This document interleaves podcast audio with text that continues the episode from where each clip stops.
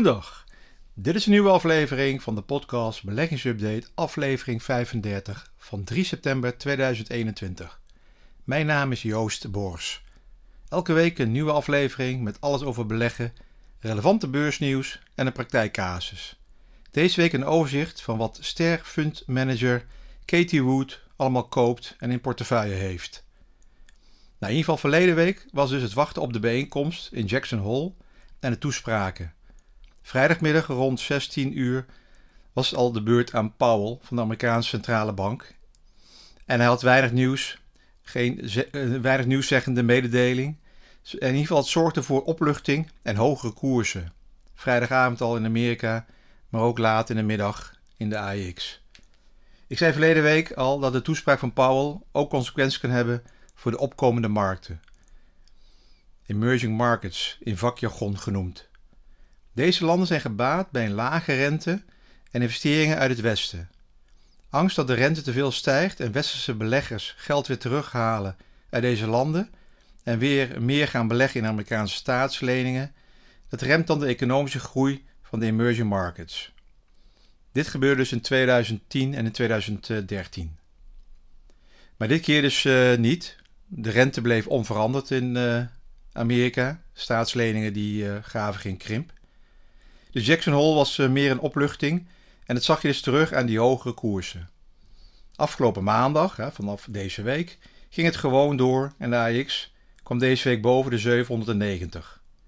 Het is bijna eentonig om elke keer weer te moeten melden dat er uh, weer een nieuw record is verbroken. En weer een nieuw record. En weer een nieuw record. Dat aandelenbeurzen op lange termijn omhoog gaan en rendement opleveren, dat, dat, uh, dat hoger ligt dan andere beleggingscategorieën, ja, behalve cryptomunten dan, is wel een feit. Maar om deze stijging in een onafgebroken rechte lijn opwaarts te doen, is ook wel een beetje overdreven. Niet alleen in Europa, maar ook in Amerika stijgen de beurzen. Zo is de SP 500-index al zeven maanden op rij met winst gesloten. Vrijdagmiddag kwamen, deze afgelopen vrijdag kwamen dus die werkgelegenheidscijfers en deze vielen tegen. Dit samen met wat lage economische groeiverwachtingen. Enkele Amerikaanse banken hebben hun groeiverwachtingen voor in Amerika verlaagd zorgt in ieder geval voor een wat lager slot in Europa. De aanstaande maandag is Amerika gesloten vanwege Labor Day. Nou, nu komt de maand september, dat is deze week begonnen. En dat is historisch de afgelopen 50 jaar de zwakste maand van het jaar. Zeker gezien de sterke stijging van alle beurzen tot heden. Er zijn een aantal zaken waarnaar wordt uitgekeken: werkgelegenheidscijfers, inflatiecijfers, het eventueel opleven van de Delta-variant en de reactie van al deze cijfers hierop van de centrale bank. Volgens sommige strategen zal het wel meevallen, misschien een daling van 3 of 4 procent deze maand en daarna weer langzaam omhoog richting eindejaars. De centrale bank, ik blijf maar herhalen, zit in een lastig pakket en durft niet te agressief te reageren met het rentewapen. Want aan de ene kant willen ze wel de inflatie beteugelen, aan de andere kant voorkomen dat de beleggers en het consumentenvertrouwen schade wordt aangebracht door een stijgende rente. En dat, dat is dus negatief voor een economische groei. Nou, nu de andere economische grootmacht, China. China probeert het socialisme en eh, controle op de bovenrijke laag van de samenleving weer nieuw leven in te blazen met maatregelen. Niet alleen over een eerlijke verdeling van de welvaart, maar ook over de opvoeding. Zoals deze week weer het aantal uren dat kinderen per week mogen gamen. Dit is eigenlijk gewoon de verantwoordelijkheid van ouders en heet opvoeding. Maar zoals alles in China wordt er centraal bepaald wat kan, wat mag en wat moet. China is vooral bezig om de rijkdom en de macht van de eigenaren van technologiebedrijven te kanaliseren.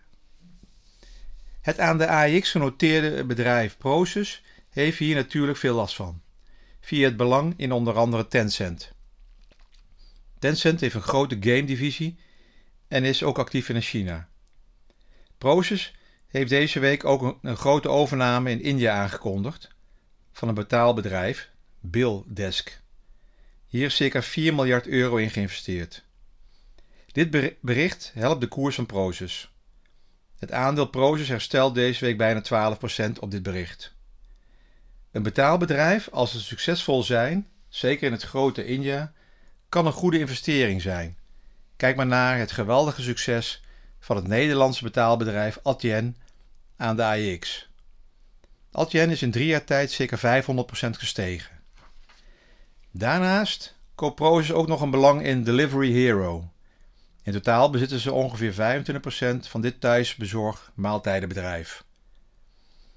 Op dit bericht, steeg ook Takeaway op woensdag met 7%. Beide bedrijven, genoteerd in de AX, waren ook wel de laatste maanden weggezakt. Proze stond op 100, ging terug naar de 68 en daarna een herstel. Dus als je het over koopjes hebt, dan waren dit er wel twee van. Nou, wie zich ook bezighoudt met bedrijven die innovatief zijn, zoals betaalbedrijf Adyen, en oude businessmodellen openbreekt, disruptief, dat is in ieder geval fondsmanager Katie Wood met haar ARK Invest. ARK Invest. Over Katie heb ik in aflevering 12 van 26 maart een stukje verteld. Ze was uitgeroepen tot de beste fundmanager in Amerika. Haar hoofdfonds ARK Innovation ETF, het symbool is eh, ARKK op de beurs in Amerika, behaalde een rendement van 150% vorig jaar. ARK belegt in toekomstgerichte innovatieve bedrijven op het gebied van autonoom rijden bijvoorbeeld, robotica, Internet of Things, kunstmatige intelligentie en fintech. Een aantal namen, zoals Tesla, hier was zij een, eh, een van de eerste van die hier wat in zag. Dus ze zit er al heel lang in. En daar heeft ze ook natuurlijk een enorm uh, mooi rendement mee behaald. Een ander aandeel ze heeft Square, Coinbase. Nou, die beide zijn gericht op uh, blockchain en crypto's. Teladoc Health is een online platform voor huisartsen en patiënten. DraftKings is een online gamen en gokken. En Zoom. Nou, dat zijn die video's, Zoom-video's. Deze laatste natuurlijk ook bekend vanwege het thuiswerken. Nog meer namen die zij in portefeuille heeft zijn bijvoorbeeld uh, Roku, zijn uh, streaming media, net als uh, Spotify en Shopify. En dan heeft ze ook nog belangen in Zwillow en DocuSign. En hiernaast nog wat kleine biotechnologiebedrijven. Allemaal jonge bedrijven die een oude markt betreden en deze openbreken met innovatieve oplossingen. ARK ETF is dus wel een risicovolle belegging met veel bewegelijkheid, veel volatiliteit. Het wordt Katie wel vaak kwalijk genomen dat ze het risicomanagement van dit beleggingsvehikel niet goed managt. Het is in ieder geval niet in Nederland te koop, maar je kan natuurlijk ook een aantal individuele namen oppakken. ARK ETF volgt geen index, dus ze zijn niet gehouden aan een benchmark-vergelijking. Katie vindt dat de oude garde fondsmanagers te veel gericht zijn op de oude economie. Aan de, aan de andere kant hoeft het ook niet vanzelfsprekend te zijn dat haar fonds altijd goede rendementen behaalt. Begin dit jaar, de eerste zes weken, daalde haar fonds meer dan vergeleken met die oude indexen. Maar dat kwam natuurlijk ook omdat Nasdaq toen daalde in januari. Dus het blijft oppassen met deze nieuwe innovatieve bedrijven. Vroeger was de UPC genoteerd aan de AX in het jaar 2000, net als Word Online. Waren ook innovatieve bedrijven, maar daarna heb je nooit meer iets van ze gehoord. Nou, het aandeel Zoom, die heeft Katie in portefeuille, daalde deze week op mindere resultaten. We zijn toch maar even Zoom moe geworden en het thuiswerken neemt weer wat af. McKay heeft toch weer op de dalingen aandelen bijgekocht. Dit heeft ze ook met Coinbase gedaan. Nog één interessant uh, feit uh, over uh, Katie Wood. Zij heeft wat ruzie met Michael Burry. Ze vechten samen strijd uit over Tesla. Burry is de man die met zijn beleggingsfonds geld verdiend heeft door tijdens de kredietcrisis te zien aankomen. In de film The Big Short wordt zijn personage gebruikt in het verhaal over de kredietcrisis. Toevallig is deze film weer te zien op Netflix. Burry is uh, nu een, geen fan van Tesla en ziet het aandeel uh, zeker halveren. En Katie Wood zegt dat Burry niks begrijpt van innovatie en zich alleen bezighoudt met wat oudere, de oudere economie. Nou, in ieder geval uh, wat nog anders smeuig nieuws in Amerika. Dat is de rechtszaak tegen Elizabeth Holmes. Deze 37-jarige onderneemster begon op haar negentiende met een biotechbedrijf en werd snel door de media opgepikt en groot gemaakt als de nieuwe Steve Jobs. Nou, jullie weten wel, de oprichter van Apple.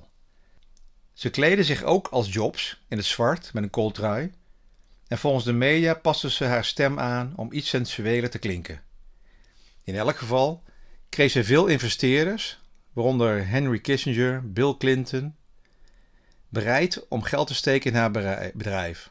Daarnaast nog een paar andere miljardairs die er ook wat geld in stopten. Op het hoogste punt werd de waarde van Terranos, want zo heette de onderneming, geschat op 10 miljard. Terranos beloofde niets minder dan een revolutie in de gezondheidszorg. Dankzij een technologische innovatie, waarmee het volgens haar extreem makkelijk zou worden om met uh, één enkele druppel bloed 200 tests te kunnen afnemen. Normaliter is een heel buisje bloed nodig voor één test. Alleen werkte het nog niet helemaal. Maar dat probeerde zij te verbergen en testuitslagen aan te passen aan de gewenste uitslag. Ja, alles met list en bedrog dus. De techniek werkte niet. Nou, dan weet je ook wel weer waar de social media en society news zich mee bezighoudt. Dus innovatie hoeft niet altijd tot succes te leiden.